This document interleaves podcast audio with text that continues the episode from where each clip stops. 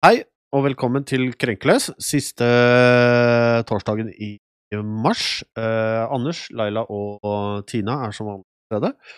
Og i dag skal vi snakke om barnevern, og vi skal snakke om hvorfor, når barnevernet blir tatt med buksen nede og har gjort en feil, hvorfor er det så vanskelig å få stilt, å si, stilt dem til veggs, da? Ah, hvorfor er de freda? Da overlater jeg ordet til eh, jentene. Har du lyst til å starte, Laila, eller skal jeg gå først?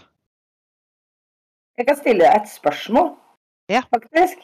Hva, eh, altså, når barnevernet gjør feil, og de blir dømt for feil, hva er grunnen til at de får lov til å fortsette videre med eventuelt å holde igjen et barn, selv om foreldrene skal ha det tilbake?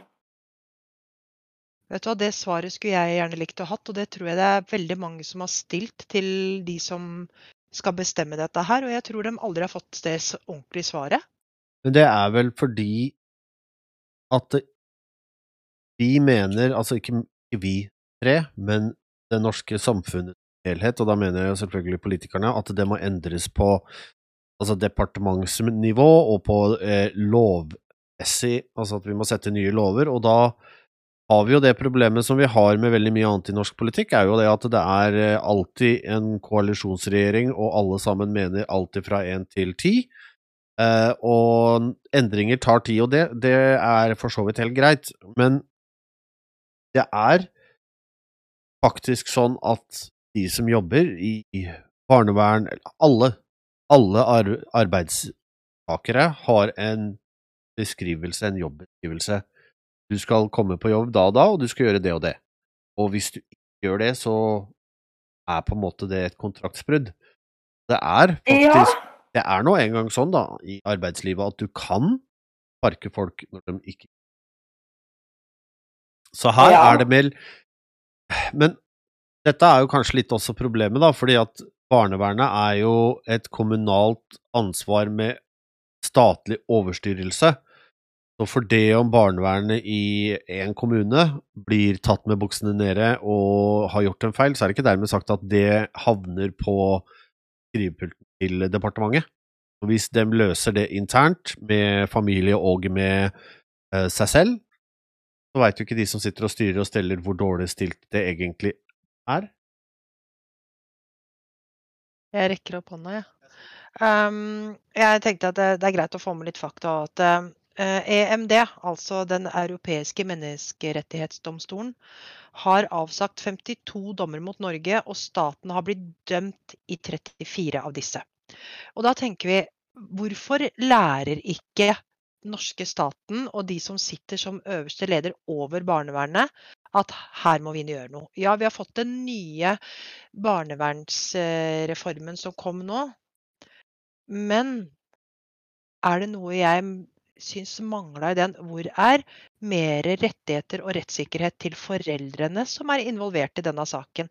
For foreldrene er faktisk en av hovedpartene i saken. Hvorfor blir dem alltid satt til side eller til slutt?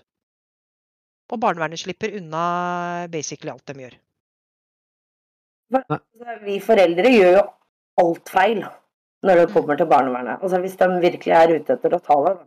Nå er det ikke alle saker de er det, men når de først er ute etter å ta deg, så føler jeg liksom det at vi foreldre gjør alt feil. Vi kan ikke gjøre noe riktig. Og så skal vi bli dømt ut ifra det. Og vi får høre masse dritt. Men når barnevernet gjør feil, sånn som du sa også, Tina, Hvorfor, hvorfor kan de bare fortsette? Hvorfor gjør vi ikke noe? Hvorfor, hvorfor er det så vanskelig å få gjort noe med det systemet? Jeg har jo et, eh, et bra eksempel på grunn av meg selv. Jeg fikk en, den høyeste erstatningen i vederlagsordning pga. barnevernets feilhåndtering mot meg i mange, mange, mange år. Hvor dem overså overgrep, vold og andre ting i et fosterhjem som dem plasserte meg og dem hadde ansvaret for. Altså grov omsorgssvikt. Der får jeg en erstatning og en uformell unnskyldning fra Oslo kommune. Men staten, som satt og gikk gjennom de samme papirene, påsto at de fant ingenting som kunne bevise det samme som kommunen fant, fant beviset for, og nekta å skulle gi meg noe erstatning og sa at nei, dette har ikke skjedd. Men hvem i staten, altså hvilken instans var det i staten som så noe feil? Var det tingretten, var det lagmannsretten, var det Uh, nå, hus nå er husker jeg faktisk ikke helt hvem det er som uh, behandler disse sakene. Det er noen år siden, det, så jeg er redd for å si litt feil her. Men uh, hva er det det heter for noe? Ehm, Uansett, da, hva hjelper det med en erstatning, da? de pengene ikke ga ikke meg tilbake livet mitt. Det gjorde ikke at jeg fikk det bedre. Og det som er saken, at det jeg opplevde, det tar jo jeg med meg inn når jeg har hatt min barnevernssak på mine barn. Og det barnevernet velger å svare meg med at ja, nå må du huske å ikke blande dine egne ting med det som skjer nå, da. Men så sitter barnevernet selv og bruker fortida mi, at jeg har vært fosterbarn og bodd på institusjon og hatt problemer som liten, til, på bakgrunn av at jeg ikke egner meg som omsorgsperson nå. Og dem slapp unna. Det var ingen i barnevernet som mista jobben eller ble straffa for noe av den omsorgssvikten dem satte meg i. De sørga for at jeg blei skada på så mange måter og har måttet bruke hele livet mitt på å jobbe meg gjennom det. Men hvor er, hvor er, hvor er straffene til de som gjorde, sørga for at dette skjedde mot meg? Ingenting. Ja, for det er, altså, når du får en erstatning, så skal jo det liksom være plaster på såret, da. Og da tenker jeg liksom, hadde ikke det vært bedre? Ja, altså, du har fått oppleve det du har fått oppleve. Det er ikke Vi får ikke endra akkurat det. Det har du opplevd, og det må du faktisk ta med deg videre. Men når dette her kom opp, da, hva med å ta dette her til seg, så det ikke skjer med andre barn etter deg? Hadde ikke det vært en for meg så hadde det, tenker jeg, i mitt hode er veldig mye mer logisk, da. Fordi at da får vi i hvert fall sørga for at det ikke skjer med de andre barna. Så det, er- det er kjempebra at vi har et barnevern som tar barn ut, Der det I- trengs. ja, der det trengs. Her òg her også føler jeg jo at uh, Vi har hatt den diskusjonen her ganske mange ganger med våre brukere, holdt jeg på å si, og jeg føler at det er her vi sporer litt av. Ikke vi, men det er her diskusjonen går ut. Fordi at vi har aldri sagt at ikke det er et behov for et barnevern. Det er ikke det det handler om. Men det er som Tina sier, at, eh, at de menneskene da, som har feiltolka situasjonen Tina var oppe i, Hvorfor legges det ikke mer personlig ansvar over på dem? Hvorfor er det nå en gang sånn at ledere og ansatte får lov til å fortsette å ture fram? Og da er jo oddsen for at det har skjedd igjen ganske høy. Ok, det er én ting. Og så er det nå en gang sånn, da, at et så stort organ som barnevernet er, må jo ha eh, årlige gjennomganger av rutinene sine. Det har jo alle andre bedrifter har en, en sjef som sitter og ser over hva er det som blir gjort og ikke gjort, og hva er det som er rett og ikke rett. Og når det kommer for en dag, sånn som i Tina sin situasjon, da, at hun blir tilkjent den høyeste erstatninga, og, og liksom dem sier sorry, her har vi driti oss ut, hvorfor er det ikke da kommet på Hvorfor er det da ikke kommet en endring? Hvorfor har de ikke tatt tak i det her og sagt at nå skal vi eh, Altså, vi skal bli bedre neste gang? Det er jo ikke sånn at du kan si unnskyld og fortsette med det samme. Da, altså, da gjør du jo bare den samme feilen mot mennesker som kanskje ikke har mulighetene eller kreftene som Tina hadde til å ta sin, altså ta kampen sin videre. Og det opplever vi jo veldig ofte at vi snakker med foreldre som er for det første livredd til å ta kampen i det hele tatt, fordi det er en så lang og tøff kamp å ta i utgangspunktet, og, og erte på seg barnevernet, for å si det sånn. Og så er det det som Tina også sier, de pengene hjerter meg ikke Altså, skaden er gjort, og skaden blir ikke borte. Jeg har jeg slåss mot den den dag i dag. Fremdeles er livet mitt prega av alt jeg opplevde. Og det kan ikke barnevernet ta tilbake, men jeg mener jo det at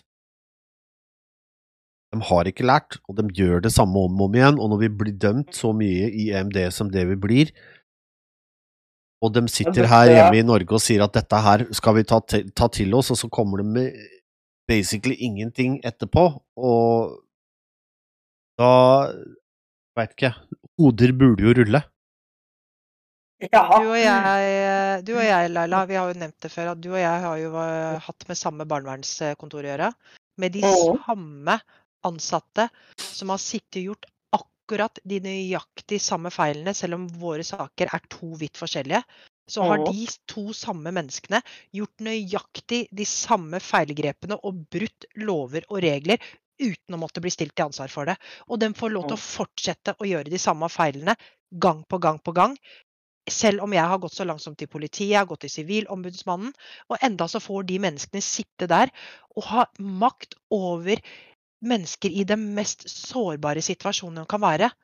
Og, og skal liksom være med å forme barn som de redder fra fæle foreldre. Når jeg skal sette det på spissen, da, skal bruke barnevernstjenesten vurderer, skal bruke dems ord. Um, og det som jeg syns er skummelt, er at ansatte i barnevernet Du kan se at det, det er ikke det at de hittil har hatt sånn syv-åtte år utdannelse med masse erfaring fra forskjellige steder for å kunne Du, du har en nyutdanna 22-23-åring, jeg vet ikke hvor gamle de er når de er ferdig på den høyskolen, som kommer inn og skal fortelle en seksbarnsmor hvordan hun skal takle barna sine hver dag. Og si at ja, men du kan ikke gjøre sånn med et barn. Har du prøvd å være alenemor for seks barn og prøve å være en perfekt? Unnskyld meg, altså. Det er som jeg sier, du går ikke til en tannlege for å fjerne tykktarmen din. Hvis det er det du trenger. Men nå er jeg kanskje litt ekstrem her, men jeg føler at det er for lite erfaring. Og når de sitter og sier barnevernstjenesten vurderer, sånn som de gjorde i mitt tilfelle, at eh, terapi ikke ville bedre min omsorgsevne. Um, for det første, dette var en frivillig plassering. For det andre så har ikke jeg de diagnosene dere har sittet og basert hele saken deres på. Og for det tredje så er ikke dere utdanna psykologer, så dere har ikke lov til å sitte og si at dere vurderer på psykologiske grunnlag. Og her er det heller ingen som har gått inn og retta. Ingen som har sagt at dette har ikke dere lov til, her må dere gjøre noe annet. Og vi, det kommer jo inn i fylkesnemnda, der sitter det andre dommere som sitter og tillater de samme tingene. Og da tenker jeg du, du, det er som å Du pisser jo i motvind. Konstant. Som foreldre så står du der og basically blir slappa i trynet hver eneste dag. Og hvis du prøver å si noe mot, da har du ikke selvinnsikt, da er du kranglete, da er du vanskelig. Du tenker kun på deg selv, og du sitter bare og er kritisk mot barnevernet uten grunnlag. Um, unnskyld, men har dere lest deres egne rapporter? Tenker jeg nå, da. Jeg hører ekko av deg. Bare så Ja. det er sagt. Ja, det regner jeg med, for det er sikkert eh, mikrofonen til gubben. Mm. Ikke noe. Ikke hørt deg på opptaket heller? Nei. Jeg hører meg sjøl Men i jeg måtte i hvert fall Jeg måtte si det. Ja. Men tilbake igjen. Eh, Men for jeg kom på en, eh, kom på en situasjon når jeg var med barnevernet. Med, og det er faktisk med disse to menneskene som vi har i lag. Ja. Eller har hatt i lag. Og jeg dør jo litt grann av alt det der, fordi hun Altså, for elleve år siden at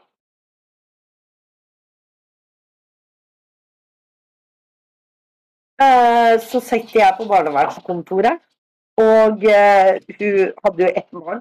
Hun, altså, jeg var nyfødt, og hun hadde en unge på to år. Jeg har et nyfødt barn. Hun har en unge på to år. Det er jo for så vidt greit. Og jeg hadde med meg den gangen min eh, psykolog, som var med fordi at jeg ville ikke være aleine på dette møtet. Og hun er da bestemor, ikke sant?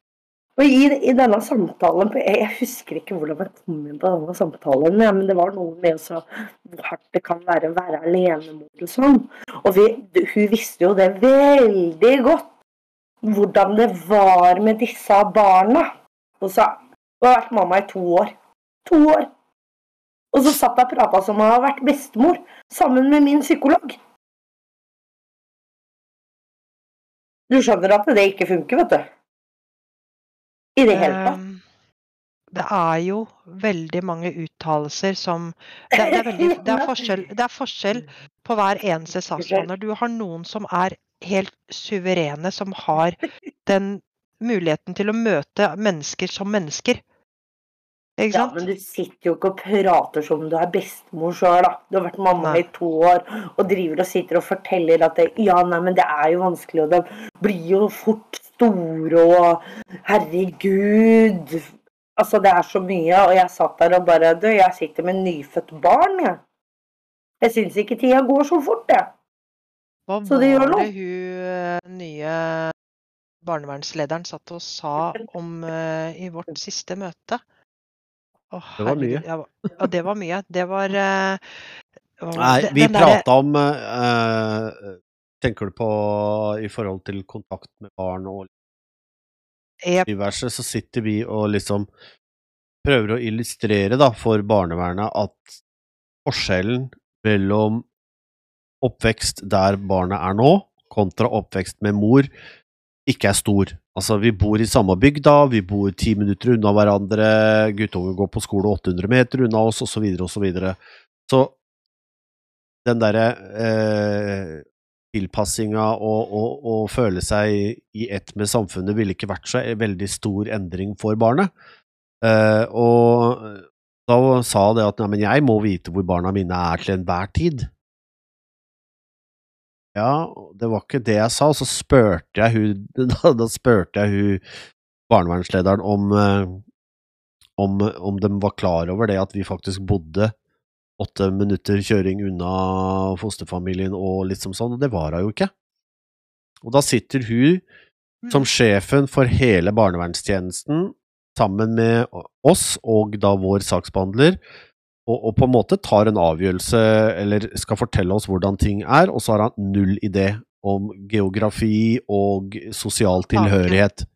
Visste ingenting om saken. Nei, nei. Ingenting. kun, og, og det at ikke hun kunne saken, er uh, både bra og dårlig. Det er selvfølgelig dårlig fordi at hun har ingen mulighet til å forstå hva som foregår, og så er det bra fordi at hun har ingen historikk. ikke sant? Hun har ikke lest alt det som står i papirene, så hun kommer inn med et uh, tilnærma åpent sinn. Og det er egentlig veldig bra. Jo, Altså, når du skal møte noen, da, jeg så er det det. greit at du Ja, men på eh, en måte kan gå inn og si vet du hva, jeg har ikke lest papirene, jeg vil ha et førsteinntrykk av dere. Eh, plain med plain i huet sjøl, liksom. Fordi hadde når man leser enda- dokumentet hadde jeg enda sagt det når du sitter der og sier ja, men det er vi som har omsorgen. Det er vi som har omsorgen. Det er vi som har omsorgen. Det er en 4-12. Det er vi som har omsorgen. Det var det eneste hun satt og gjentok. Og hun satt og sa eh, Når jeg sa at du må huske at jeg er mammaen Ja, vi kan ikke bare la barnet være hos hvem som helst. Bare hvem som helst. Jeg er mammaen hans. Jeg har frivillig plassert han hos sin familie, nærmeste familie, for at han skulle ha det bra mens jeg ble frisk. Ja, men du må huske at det er vi som omsorgen. og Da måtte jeg jo si at ja, det er jeg fullstendig klar for, det er jeg som ga den til dere. men Ja, igjen, der kommer den derre Mm. uh, Ovenfra og ned, Ja. ned-holdninga. Og det er greit, det, og, og det er helt riktig det, at det er barnevernstjenesten som sitter med det, altså, det hele og fulle ansvaret, eller den viktigste stemmen, eller kall det hva du vil. Men igjen, her, her som Tina sa i stad, så er det litt sånn Hvor er foreldrene oppi det greiene her? Og jeg prøvde jo å få hun barnevernslederen til å i hvert fall si seg enig i at vår sak er i hvert fall delt inn i tre. Mellom barnevern, fosterhjem og biologisk mor. Og kanskje da også barnet, liksom, når det begynner å bli gammel nok til å ha egne ting å si, og det kunne hun ikke bekrefte.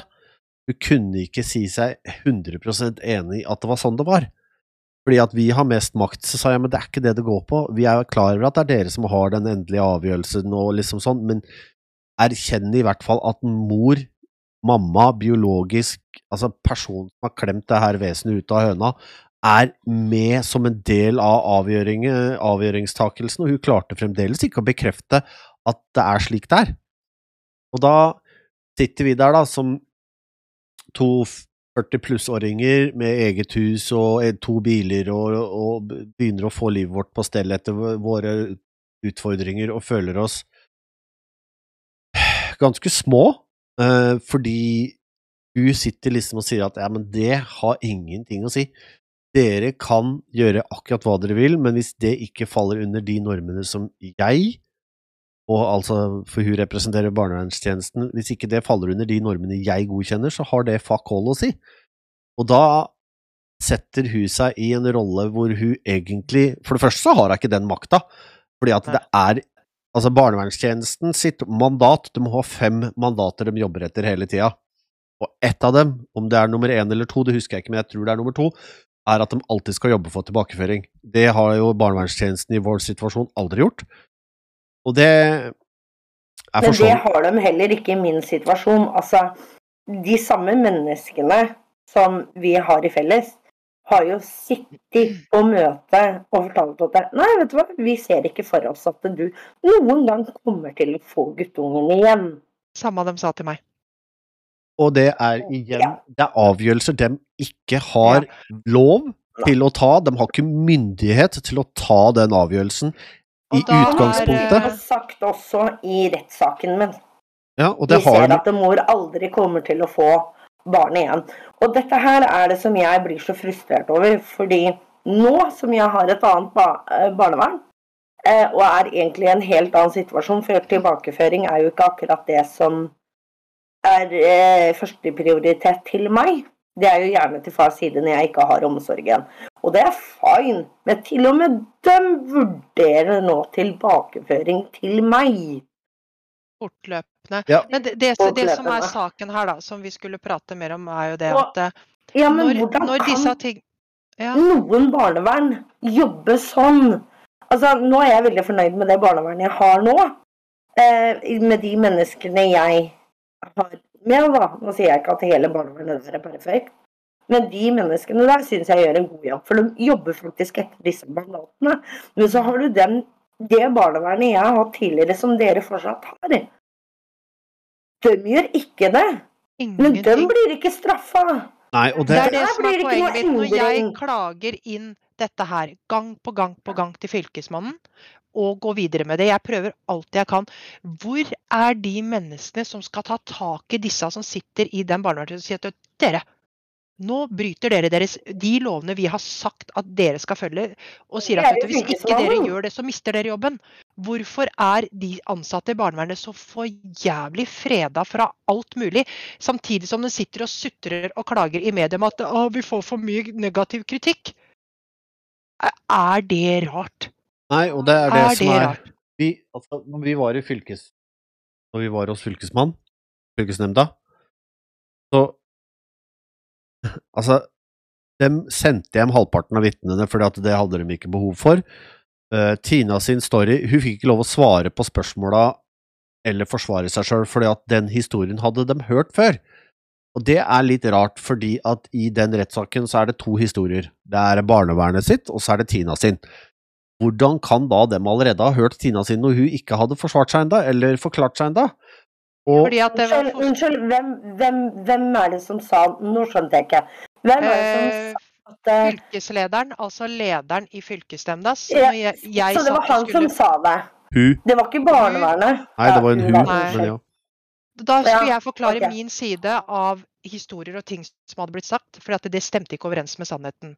Og da ble jeg stoppa og sagt at det trenger ikke vi å høre, for det har vi allerede hørt fra fosterhjemmet. Og fosterhjemmet er ikke part i saken, men fosterhjemmet fikk nesten tre kvarter til å forklare seg, og jeg fikk bare vite at vi trenger ikke å høre din side, for vi har allerede hørt det. Det er sånn du blir møtt av de som skal sitte og styre og bestemme om du er en bra nok omsorgsperson. Hvor er rettferdigheten? Hvor er rettssikkerheten? Og er her sitter Jeg, syns at nå må det på plass en mellomting mellom regjering og, eller den, ministeren og barnevernstjenesten. Det må et eget utvalg som sitter og sørger for For at fylkesmannen gjør jo ikke noe. Ikke nok, i hvert fall. Det, det må starte i det små. Det må ta tak i de saksbehandlerne som starter feilbehandlingen helt fra starten av. Som skriver feil rapporter, går kun etter negativt, ikke vurderer saken fortløpende. Hvorfor er det ingen som går inn og sier at hei, stopp, her gjør dere noe feil? Og så sitter de basically og Jeg veit ikke hva de gjør med de der eh, sakene vi er dømt i EMD. Sitter de og bruker dem som opp eh, til å fyre med når de fryser, eller hva nå enn. For det virker jo ikke som de bryr seg en dritt om at det Dessverre så har altfor mange familier blitt brutt opp og ødelagt under barnevernets omsorg.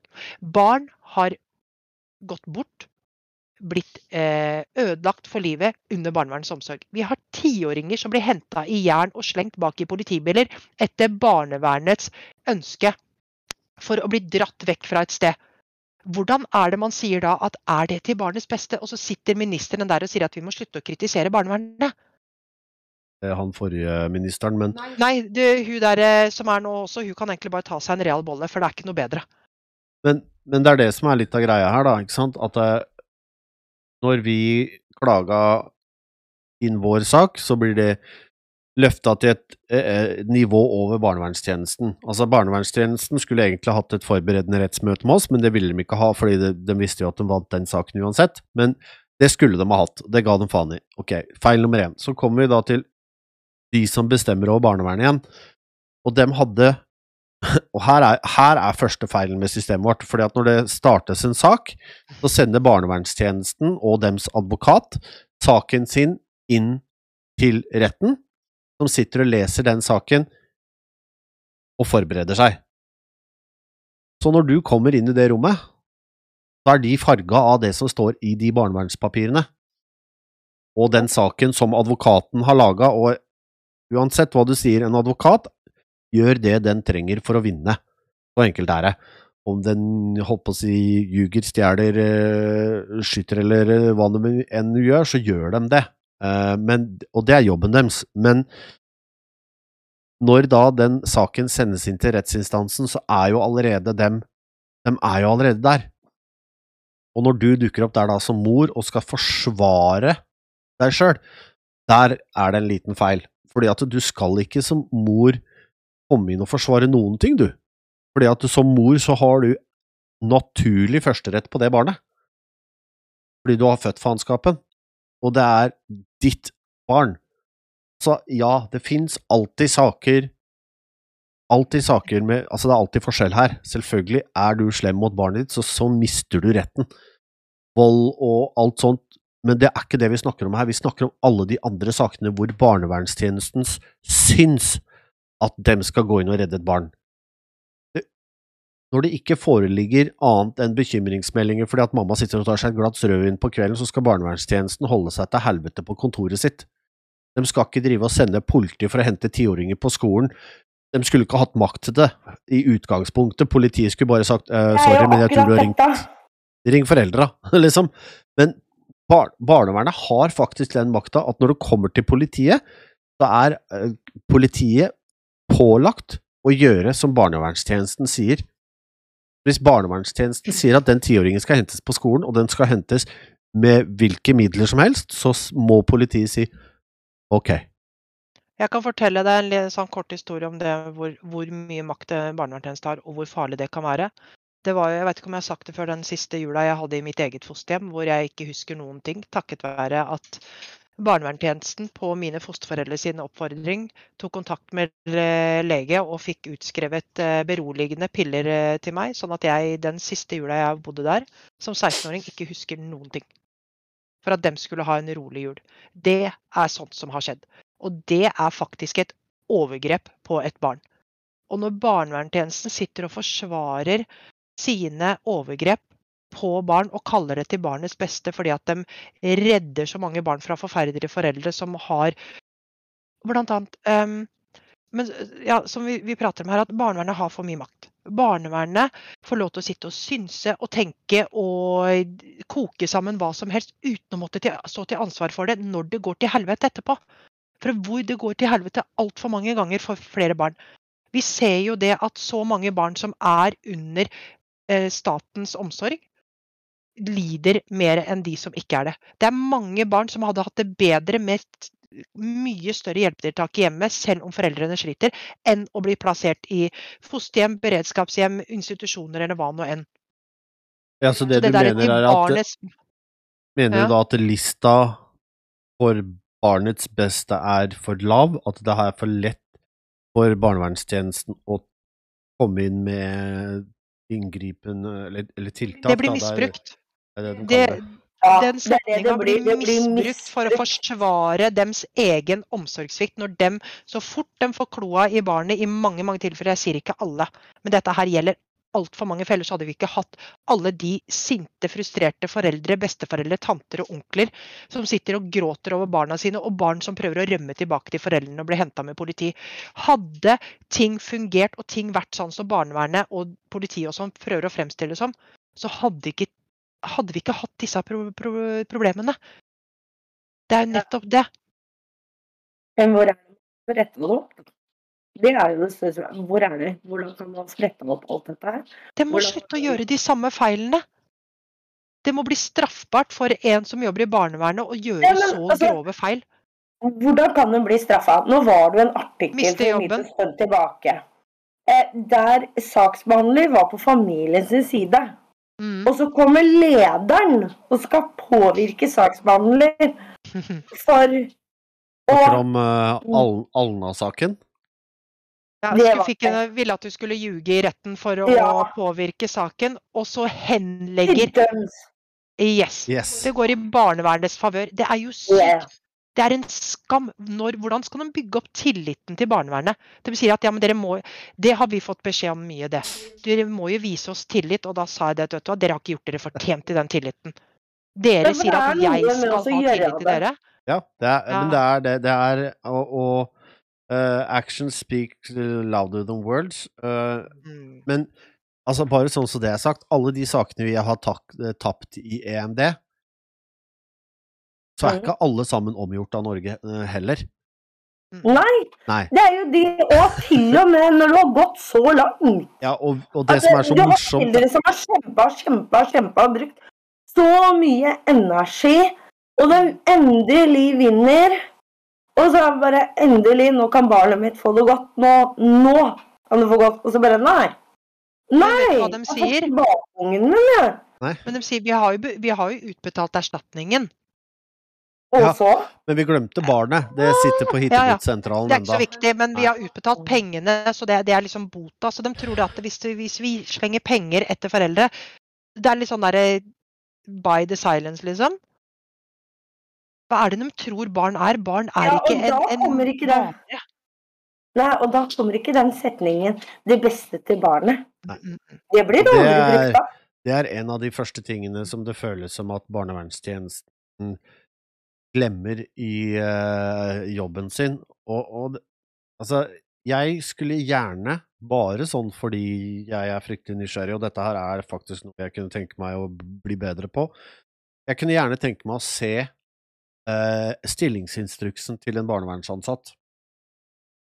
Eh, hvor det står beskrevet fra barnevernstjenesten hvordan de forventer at de, dems ansatte skal jobbe. Tenk, altså for du får, du får retningslinjer, ikke sant? Eh, I forhold til lover og alt det der, det er én ting, for det, det, det er litt sånn spikra.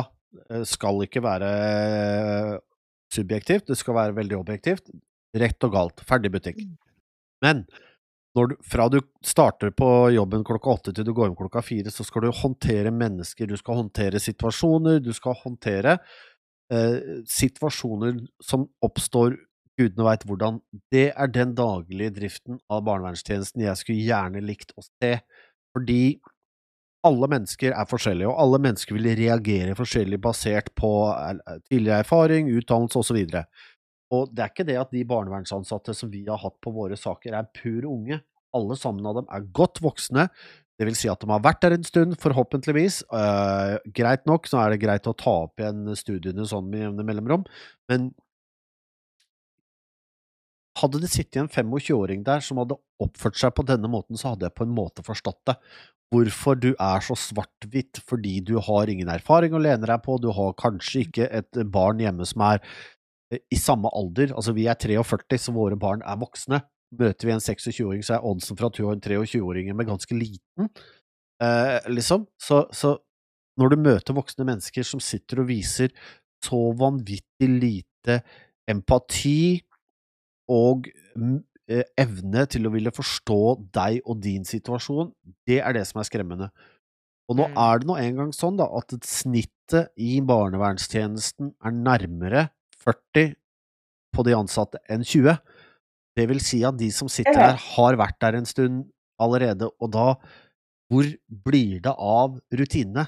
Og det er derfor jeg vil se en sånn rutinehåndbok, for å se hva er det, hvor er det det går galt. Går det galt i den dagen de signerer kontrakten, eller går det galt underveis? At du blir en si, At du blir en regelrytter fordi du har sett så mange vonde skjebner at du rett og slett bare har closed down. Du bare mottar en sak, leser en sak, her er det mor og far som har gjort sånn og sånn, ok, greit, det faller under loven sånn og sånn, og det er det jeg forholder meg til, for nå har jeg brent meg så mange ganger på å prøve og feile at jeg må følge loven, for den er den rette. Ikke sant? Det er det som er Det har jeg lyst til å vite. Dette alle dere Jeg har litt lyst til å vite hva som er greia, ja, med at de klarer å gå inn i andre sitt hjem, som det er rus og vold, og ikke ta ifra, mens der det ikke er det, så tar vi det med en gang. Men hjelpetiltak, det skal de som driver med rus og vold og skikkelig omsorgssvikt få. Jeg lurer på hva som gjør at de tenker at det er greit. Det har jeg lyst til å se. Ja, Jeg er litt jeg enig med det. deg, Laila, fordi at som du nevnte i stad, Laila, at eh, du og jeg har hatt samme barnevernstjeneste her. Og så flytter du til et annet sted og opplever en helt annerledes tankegang, fremgangsmåte og den rette måten å gjøre på. Nemlig ta med deg som en del av barnets liv. Ta deg med som ordentlig part i saken. Du er mamma, du er ikke bare biologisk mor på papiret. Du får være med på utviklingen, du får være med i samtalen, og de forteller deg hva de skal gjøre. Og her så sitter du sikkert basically bare og får. Det er jo sjokkerende. ja. ja. Nå må jeg til og med lytta til barnet. Ja, I min sak så sto det jo Jeg skal ikke gjenta så mye pga. sønnen min sitt eh, personvern, men når det står at eh, PIP har sagt dette, men det kan ikke vi ta, ta til etterretning fordi at barnevernstjenesten vurderer. Så de har hørt, driter i det fordi at de har vurdert noe annet. Hva hjelper å si at de skal høre på barnet når de sitter og bare Nei, men det har ikke vi lyst til at skal skje, så da Ja, men vurderer vi for noe annet. meg så har de ikke hørt, da. Nei. Det er altså... For da er det noe de ikke ønsker. Men når barnet da sier Ja. noe annet, da tar de det med som en viktig ting å få med. Ja, og det er Etter det at barnet er blir påvirka. Men, men igjen, Mm. sant? Altså, det er sånn derre Det er det Hvem som er det som lærer dem opp? Jeg lurer på men det, er- nettopp det. Det er derfor jeg har så innmari lyst å på en måte Mm. prate med noen som jobber i barnevernstjenesten uten Altså ikke når de er på jobb, liksom. At du bare prater med dem og hører Hør nå her. I denne situasjonen, hvordan ville du Altså, hva står det i din stillingsinstruks? Hva skal du gjøre i sånne situasjoner? Fordi at det Det er så forskjell på hva de hører og leser, at jeg ja, hvem er det som trener dem opp, og hvor faen er det de får alt dette herre Det er som natt og dag når du møter mennesker. Har, det har jo vært eh, et par-tre fantastiske mennesker i denne barnevernstjenesten også, og ingen av dem blir værende der. De forsvinner. Så fort de er ferdig med praksistida si eller gjort sin master, så forsvinner de. De blir aldri værende. Og her sånn, i den barnevernstjenesten så ser vi at eh, de som kommer inn og blir værende, de bare stiger i gradene og fortsetter å lære den samme dårlige håndteringa til de under seg. De ender opp som barnevernsleder eller teamleader. Sånn som i min situasjon. Hun som jeg har fått sparka fra saken pga. inhabilitet og satt og tilga diagnoser på barnet mitt som hun ikke har rett til, og som ikke fantes i det hele tatt, sitter nå som teamleader på samme saken. Hva søren? Ja. Hvor er, hvor er min rettssikkerhet da? Når du blir sparka fra en sak pga. måten du feilhåndterer saken med, og så blir du bare stigende i gradene? Um, kan noen si ordet korrupsjon, eller? ennå. Ja, mørkt.no. Det igjen Men for meg eh, For meg så går det her veldig mye på Altså, det går på kommunikasjon, ikke sant? Mm. Den barnevernstjenesten Og jeg har full forståelse for at den jobben de gjør, må være sinnssykt vanskelig. Absolutt. For det er ingen som har lyst å komme mellom et barn og dems foreldre. Jeg forstår det. Eh, og jeg forstår at når det må gjøres, i situasjoner hvor det er vold eller i, uansett, så må det være sinnssykt vanskelig. Jeg har ingen problem med å forstå det, og når barnevernstjenesten gjør det rett, så er det Altså, jeg skulle ønske at vi ikke trengte barnevernet, jeg skulle ønske at alle klarte å oppføre seg som folk, men uh, jeg skulle også ønske at det var sommeråret rundt, men det er det ikke. Så men, men når det er sagt, så er det de Og jeg er av den oppfatning at én feil i barnevernet er én for mye. Jeg Mm. syns at det er lov av oss som brukere av barnevernstjenesten, fordi faktisk så er det mine skattepenger som våre skattepenger som betaler lønna deres, samt litt olje, da, eh, å forvente perfeksjon. Vi har lov, alle har lov til å gjøre feil, men barnevernstjenesten har så mange instanser rundt seg, over seg og, og, sammen med seg, at de har også muligheten til å gå inn og si 'å, oh, fuck it, jeg gjorde feil'. Sorry, det var ikke sånn det skulle ha vært. Det her skulle vi aldri tatt det barnet. Send det barnet hjem sporenstreks og sett inn 600 000 på kontoen til mutter og fatter, så de kan kjøpe leilighet til ungene. Whatever. Penga er ikke viktig, men ungene skal hjem. Og når de har mm. tapt sak på sak på sak, sånn som de sakene i EMD og alt det greiene der, så er det ingenting annet å gjøre enn å ta seg i anklene mens du bøyer deg framover og be om godt vær, altså. Det er bare å si unnskyld på radio, TV og uh, internett, intranett, og fucking sørge for at det ikke skjer igjen. Og da gjør du det som alle andre bedrifter, alle andre organisasjoner gjør. Du tar et skippertak, og du begynner i bånn. Og du kvitter deg med det som ikke gjør som du sier. Jeg er sjef for dette her. Sånn skal aldri skje igjen. Og så går du til de kan gjøre noe med det. Det er avdelingsledere, det er eh, alle de der ute. Og så sier du at fra og med mandag 1. mai så skal dere ha rydda opp, og jeg skal se en handlingsplan på hvordan det kan gjøres. Det her er BI uke to. For alle som har jobba i noe som helst uh, ledelse eller uh, ja. Jeg, jeg kom på en liten tanke at for mange, ja, eller for politikerne, så handler det veldig mye om penger. Tenk deg uh, en scenario at de sitter og diskuterer dette og bare Vet du hva, hvor mye penger og tid og krefter trenger vi på å endre hele barnevernet, kontra bare sitte og ta imot kritikken? En halv evighet. Det er det samme, se, se, samme som vi gjør med strømmen nå. Det er, ikke, det er, ikke, det at de kommer med en ordentlig god løsning som gjør at folk får råd til å leve ved siden av. Nei, de kommer med sånn derre pisse i buksa for å holde deg varm for noen. Nei, altså de har vært superflinke. Det at vi har dyreste strømmen dag ut dag inn på, eh, på noensinne, det er kjempebra.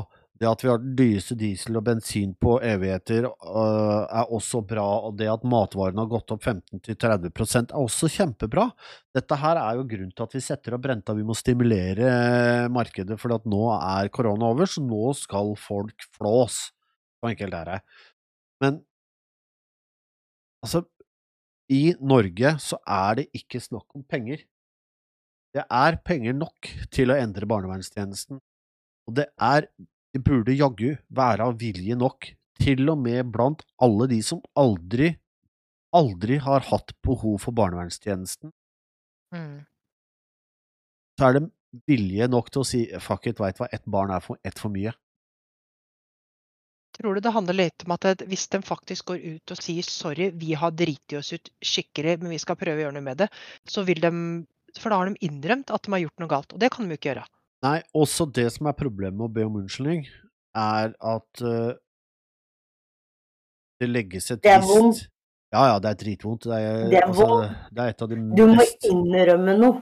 Et av de minst brukte orda i uh, norsk uh, språk. Men det som også er problemet, er at hvis du går ut og innrømmer at du har gjort en Altså ber om unnskyldning, så innrømmer du at du har feil. Fordi det nødvendigvis ikke er deg personlig. Mm. Og du tar på deg et visst ansvar for å gjøre noe med det. Det er det som er litt av problemet, og det, det har vi. Fordi at dette her må gjøres på et politisk nivå. Og vi har, akkurat nå er det tre partier i regjering som sitter og skal prøve å samarbeide, og to av dem er delvis enige, og det tredje ikke i det hele tatt. Ja, ok, fine. Uh, og når det er bare politikk, for det, altså politikk er ikke bare bare, men når det er bare politikk som stopper oss i å gjøre store endringer, ja, da kommer det ikke til å skje, da.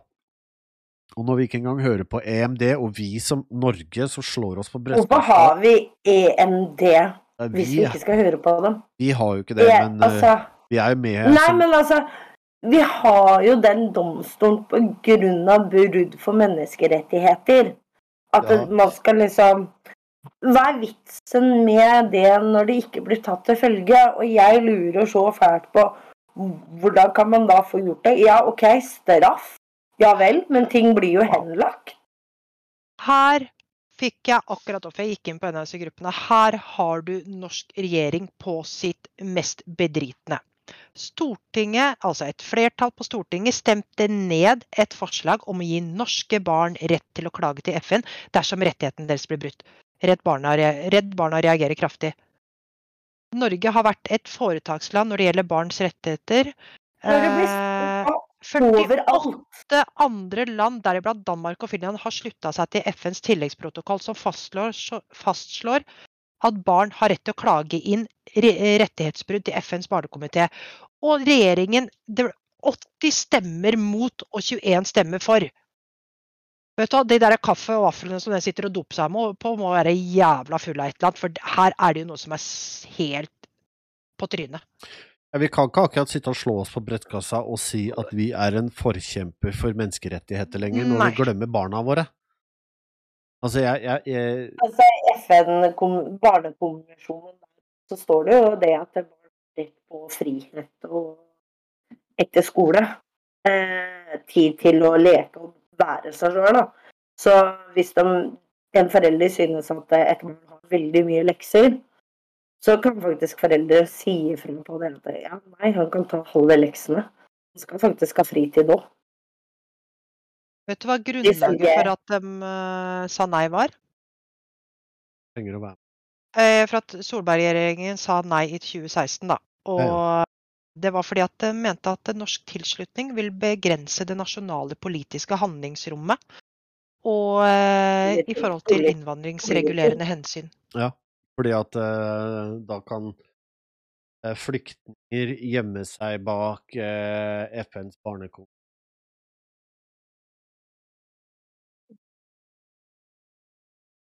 Barn og tøffe situasjoner, og da får vi enda mer innvandrere. Men Hvem var det som satt Kan jeg ta en bolle og gå og legge meg nå? Hvilket Fordi parti, tydeligvis så gjør ikke den det. nei, men hvilket parti var medlem av Solberg-regjeringa i 2016? F Ikke spør meg, da. FP. Den gikk ut i 2017. Så Stemmer det. ja da. Mm. Da må jeg litt glemte litt, jeg nå. Frp, ja. Har blitt så Ja, stille. ja. ja. Han og ikke Carl I. Hage som driver og Hør her, da. Fire av ti barnevernsansatte i Bergen sier de gjør vedtak uten å undersøke nok. Så her sitter barnevernsansatte gjentatte ganger og sier at de har ikke nok tid, de har for mye å gjøre. De får ikke undersøkt nok, og så sitter de der og tar vurderinger uten å ha utdanninga til det, uten å ha nok tid til det, og bare sauser igjennom, bare sånn på måfå, da, eller?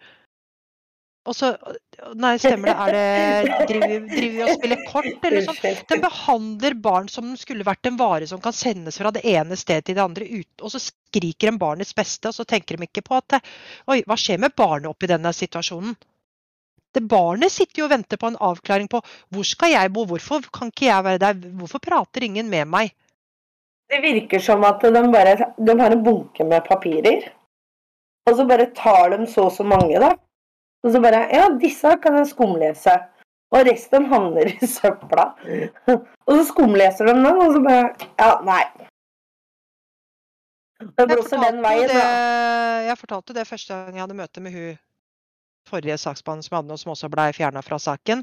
Mm. Eh, første møte med henne, så det, det var jo et helvete på det møtet. Jeg fikk jo hyl og skrik og kjeft pga. at vi var uenige, jeg og fosterforeldre.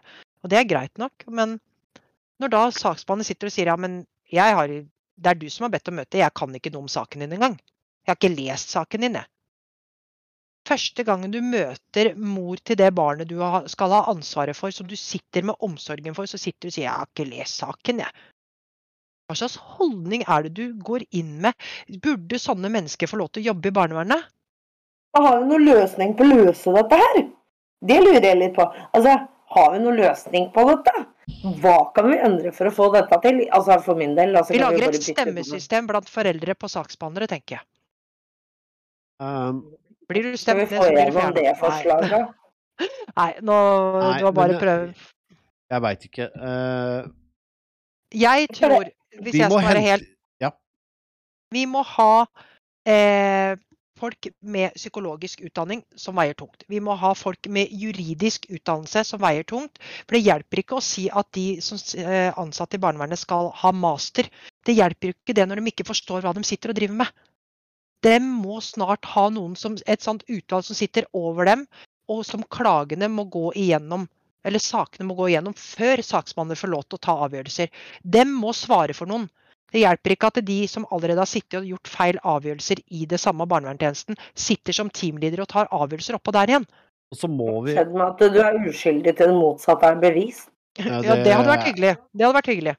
Hvorfor er du skyldig til det motsatte er bevisst? Du er, du er skyldig selv om det motsatte er Ja, ja. Her er det ikke det, det, Og det er det som er litt av problemet her. Jeg er helt enig med Tina. La oss få inn et utvalg, et, eh, en, et, eh, et, et råd med mennesker som For det første så kan de ikke være betalt av barnevernstjenesten. Fordi at det vil være en interessekonflikt med en gang. Eh, de skal ikke Men det skjønner ikke jeg. Hvorfor skal det være en interessekonflikt med en gang? Fordi at hvis du er betalt av den tjenesten som du jobber for, Så blir du så blir du inhabil. Hvorfor det? Fordi Hvordan du blir jo kan du bli påvirka av de inhabil på det? Fordi at det er veldig, veldig, veldig vanskelig for et menneske å sitte og si nei hele tiden til de menneskene du jobber sammen med.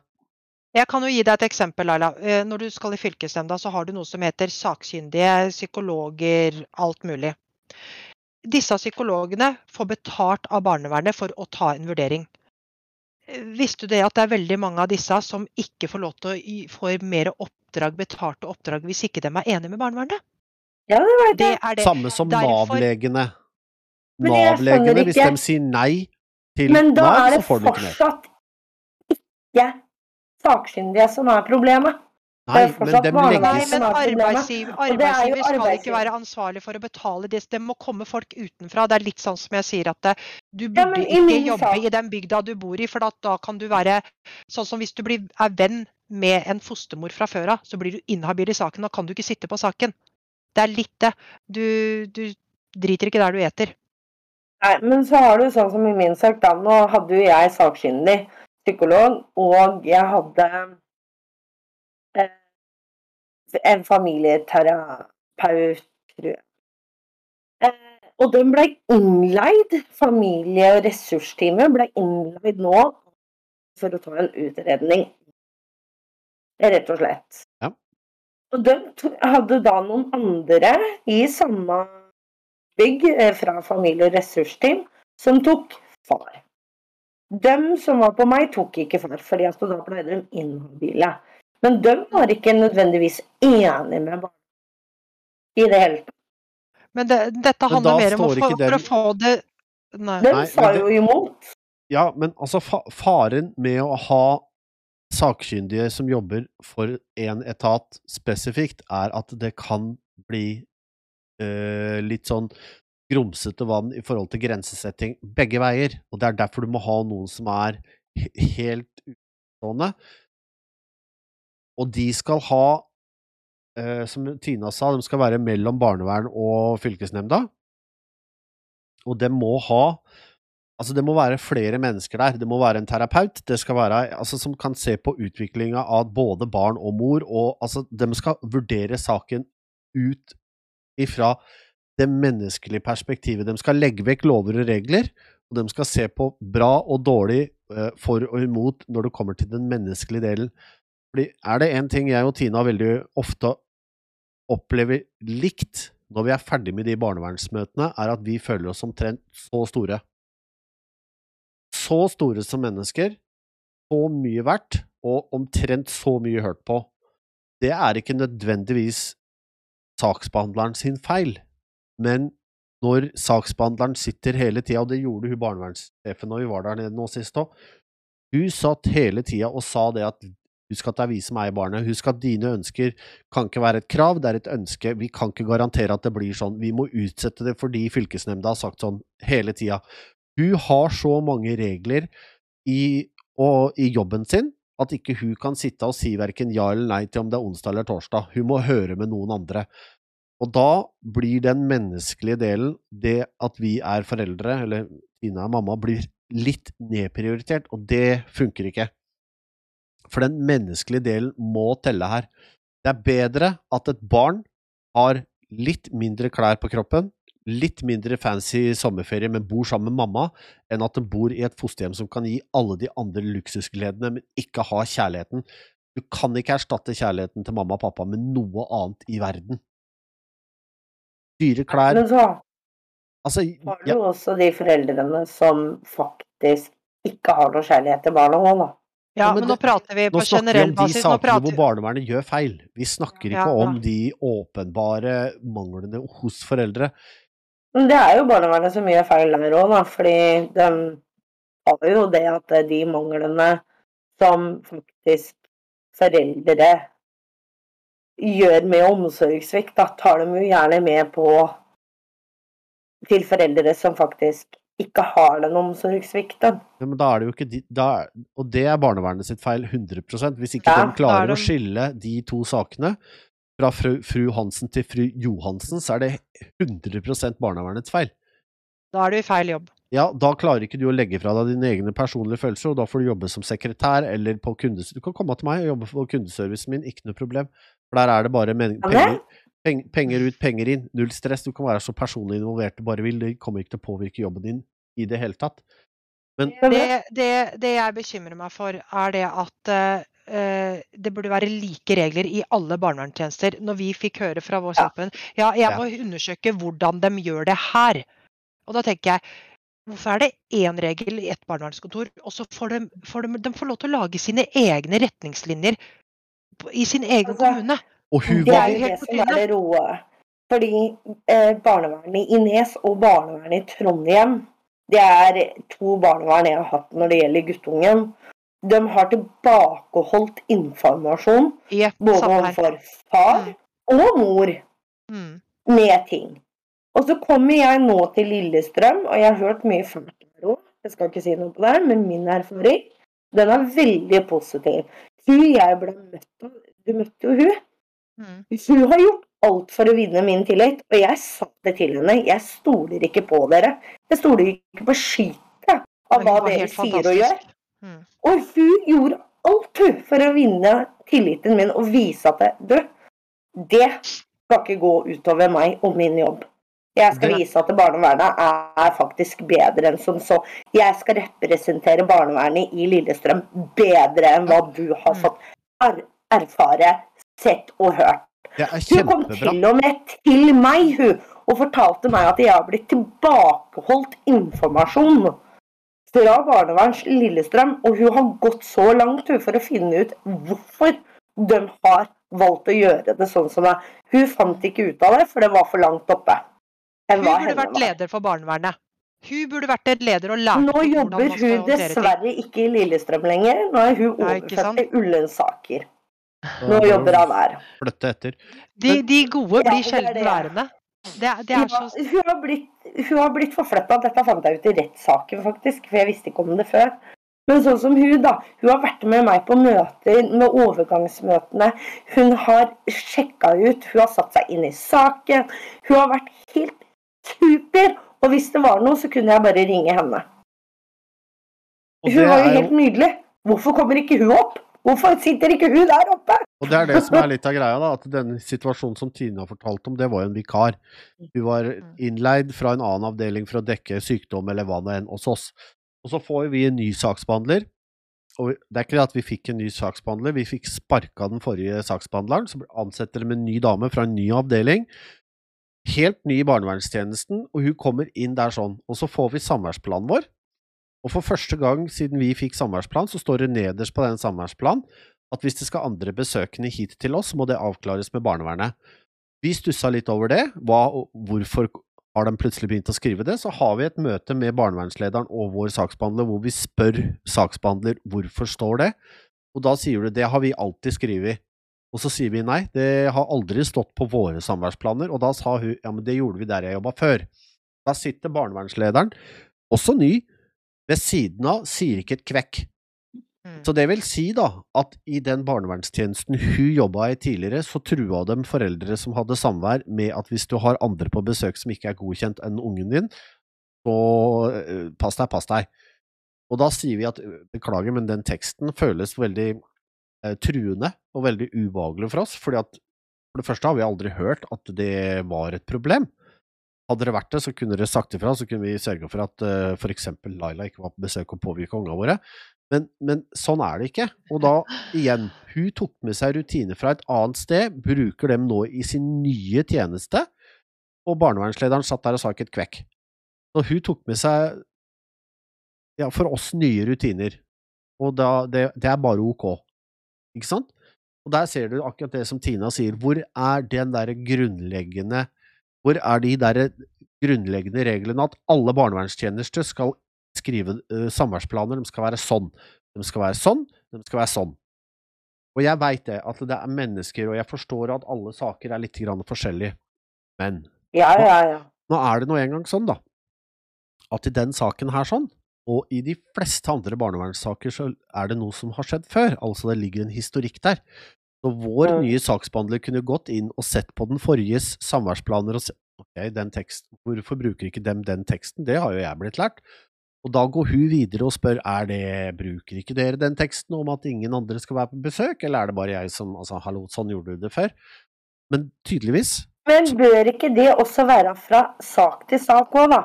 Fordi at det, man kan jo ikke blande alle disse sakene sammen.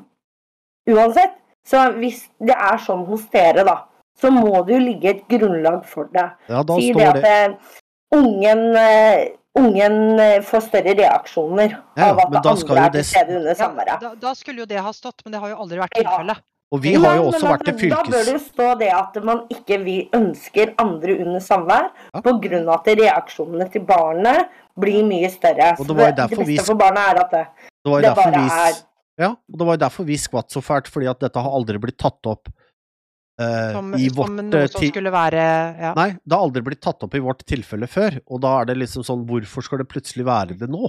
Og Da føles det jo som at vi hadde gjort noe gærent, og det spurte vi om, og det fikk vi heller aldri noe svar på annet enn at det var rutina da jeg jobba før. Det... Nei, det er bare noe jeg skriver på slutten av sånn Hvorfor det? Hvor, hvor, kommer den setningen fra? Når, du kan ikke bare skrive og det er, det er dette som er problemet. Barnevernsansatte sitter og skriver og vurderer og tenker og synser og mener, og det er akkurat som de bare får en idé. bare, den, den høres bra ut på papir. Og så tenker de ikke på at ord blir stående i en sak. Ord påvirker oss foreldre, og det påvirker også barna. Det skaper eh, miskommunikasjon, mistillit, eh, redsel som ikke trenger å være der, eller hva. For man begynner jo å tenke OK, eh, hva har skjedd nå? Hvorfor skal ikke jeg få lov til å ha familien min på besøk da, når jeg har barnet mitt på samvær eh, pga. en frivillig plassering og barnet snart er voksen? Det blir, sånn, det blir masse tanker. Og det er så mye som kunne vært unngått hvis de som sitter og bestemmer over barnevernet, har sagt at dere skal gjøre sånn, dere skal ikke gjøre sånn, dere har lov til å bruke skjønn, men da må dere begrunne hvorfor dere tar de avgjørelsene, sånn at de andre som kommer inn i sakene, kan forstå hvorfor dere har gjort som dere har gjort. Og dem kan ta fortløpende vurderinger om det fortsatt er tilfellet. Men i min sak så står det ikke et kvekk om vurderinger. Ikke et kvekk om hvorfor de har tatt de vurderingene de har gjort, annet enn utdrag fra bøker pga. Ja, you name it. Altså, Dette er farlig. Det er liv vi snakker om. Det er ikke, det er ikke å handle på butikken. Jeg har, eh, jeg har jobba med kundeservice og salg i 20 pluss år. I sju, åtte, ni forskjellige land, tre forskjellige kontinenter. Og er det én ting jeg ikke har blitt lært opp til de siste 15 åra, så er det å prate med kundene mine. Fordi mm. at når jeg blir ansatt, så ble jeg ansatt fordi jeg har drevet med kundeservicesalg før. Og så går jeg gjennom en uh, periode med opplæring hvor jeg lærer datasystemer og produkter og sånn. Og i løpet av den opplæringsprosessen, som er alltid fra fem dager til tre uker, så går vi også gjennom uh, samtaleteknikk og liksom sånn. Og da ser mine ledere som kan dette enda bedre enn meg, de ser at dette har han gjort før. Så det de ikke trenger å bruke energi på meg på, er å prate med kundene, men de bruker mer energi på å lære meg produkter eller den type ting, ikke sant? Det er ikke veldig vanskelig. Når du sitter som en leder og du ansetter noen, så har du tatt et valg. Du ansetter det mennesket på grunn av kvalifikasjoner, og så har du gjerne et personlig eh, møte som kalles gjerne jobbintervju, og så gjør du deg opp en mening om at dette, dette, mennesket passer inn kunnskapsmessig og på det personlige plan, og så ansetter du det mennesket. Eller faktisk, hva heter det, at du gir muligheten til personen fordi du ser Ja. et ponsen- potensial. Ja, og det er Men det er også basert på at de har i hvert fall noen av de kriteriene du leiter etter. Du ansetter ikke en re- vilt fremmed fra gata.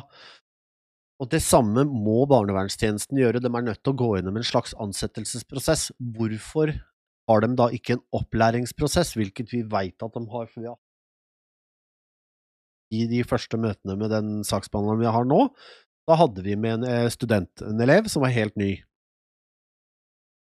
Så hvorfor klarer de ikke da å enes om enkle sett med regler, i hvert fall lokalt? At ikke hele barnevernstjenesten jobber på nøyaktig samme måte, også under enhver eh, kritikk, men forståelig fordi det er mange ansatte mange forskjellige steder, og ting er forskjellig, bla, bla. Men for faen, de som jobber lokalt skal vel klare alle sammen å jobbe likt?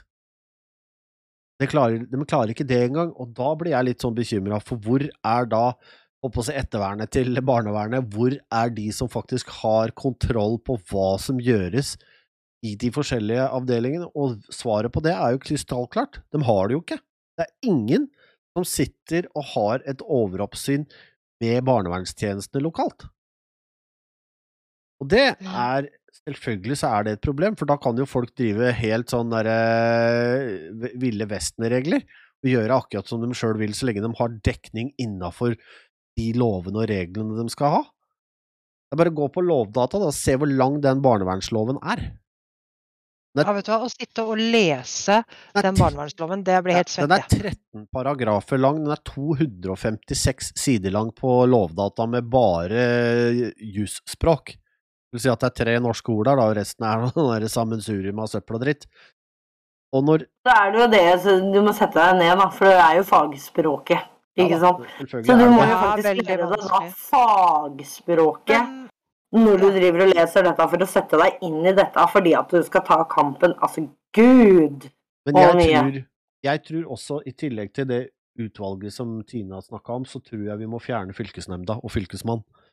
Eh, de, Ja. kan, de kan ikke sitte der og ta avgjørelser basert på mennesker og menneskelige følelser. Her må vi hoppe rett over dem og gå til en rettssak. En tingrett eller fylkesretten eller et eller annet, fordi Og så Sånn må menneskene som sitter der, faktisk være kritiske til begge parter. Ja, men det er det som er poenget. Når du kommer til, når du kommer til tingretten, så har du en ordentlig rettssak med ordentlige advokater, med ordentlige vitner, hvor du og, og det som er greiene, er at dommeren må følge normen. Når vi var i fylkesnemnda, så jeg satt jo der jeg skulle vitne, jeg òg. Da kommer fylkeslederen, eller hun, øh, lederen, kommer forsinka fra sin egen lunsjpause.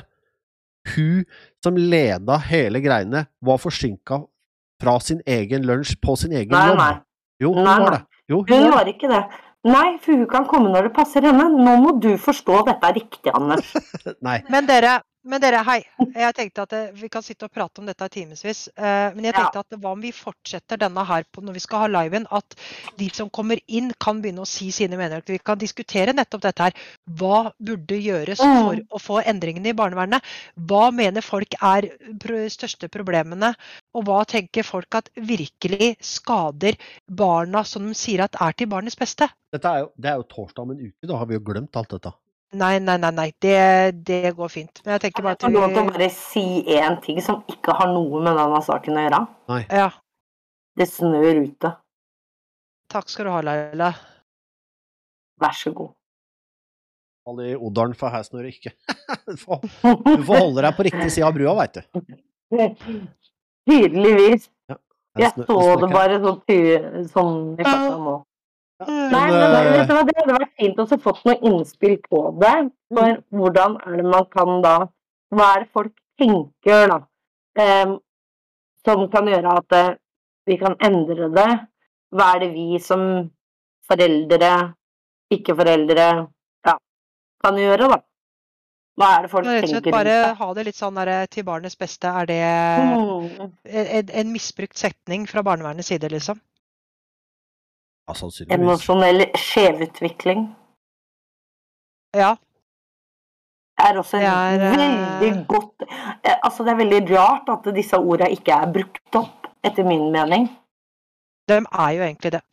Nei, men jeg tror vi fortsetter den diskusjonen på live, for den tror jeg kan bli ganske het. Og da kommer vi til å reklamere litt for det. For da kanskje folk eh, Jeg tror folk har veldig mye å si om dette her.